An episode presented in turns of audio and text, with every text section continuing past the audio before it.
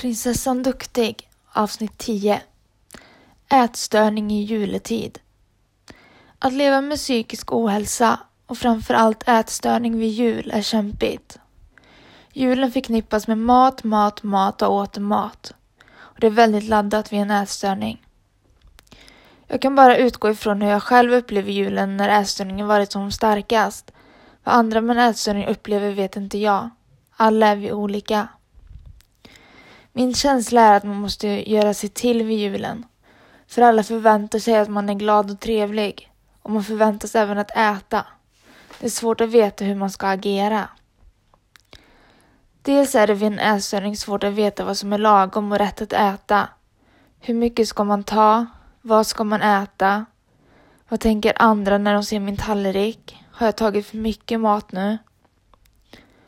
Håller man sig till ett matschema under en behandling är det svårt att gå ifrån det där vanliga med portioner, den vanliga sorts maten och så vidare.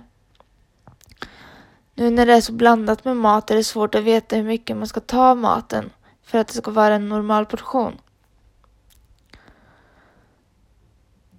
Sedan det här med vad andra tycker och tänker tar upp stor del av tankeverksamheten. Vad tänker de nu när jag äter det här? Tar jag för mycket? Tycker de att jag inte borde äta allt det här. Nu har jag levt med en ätstörning så pass länge att jag har lärt mig att andra inte alls tycker och tänker om vad jag äter. De är så uppe i sitt egna. Men det är svårt att tänka om när man har en ätstörning. Jag tror ändå alltid att andra tycker och tänker. Men som sagt, viktigt att veta. De har fullt upp med sitt egna. Det här med att det förväntas av en att man ska äta när ätstörningen skriker att du ska svälta dig själv. Det blir som kaos i hjärnkontoret.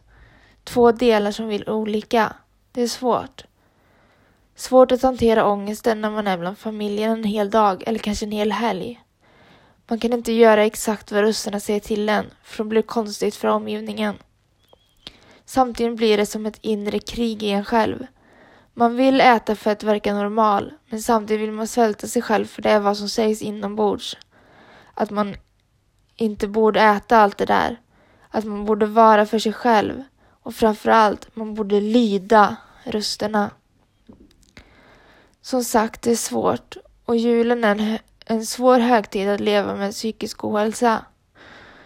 Man förväntas göra så mycket och förväntas vara social trots att man själv bara vill gräva sig i en grop och lägga sig där långt ner under jorden.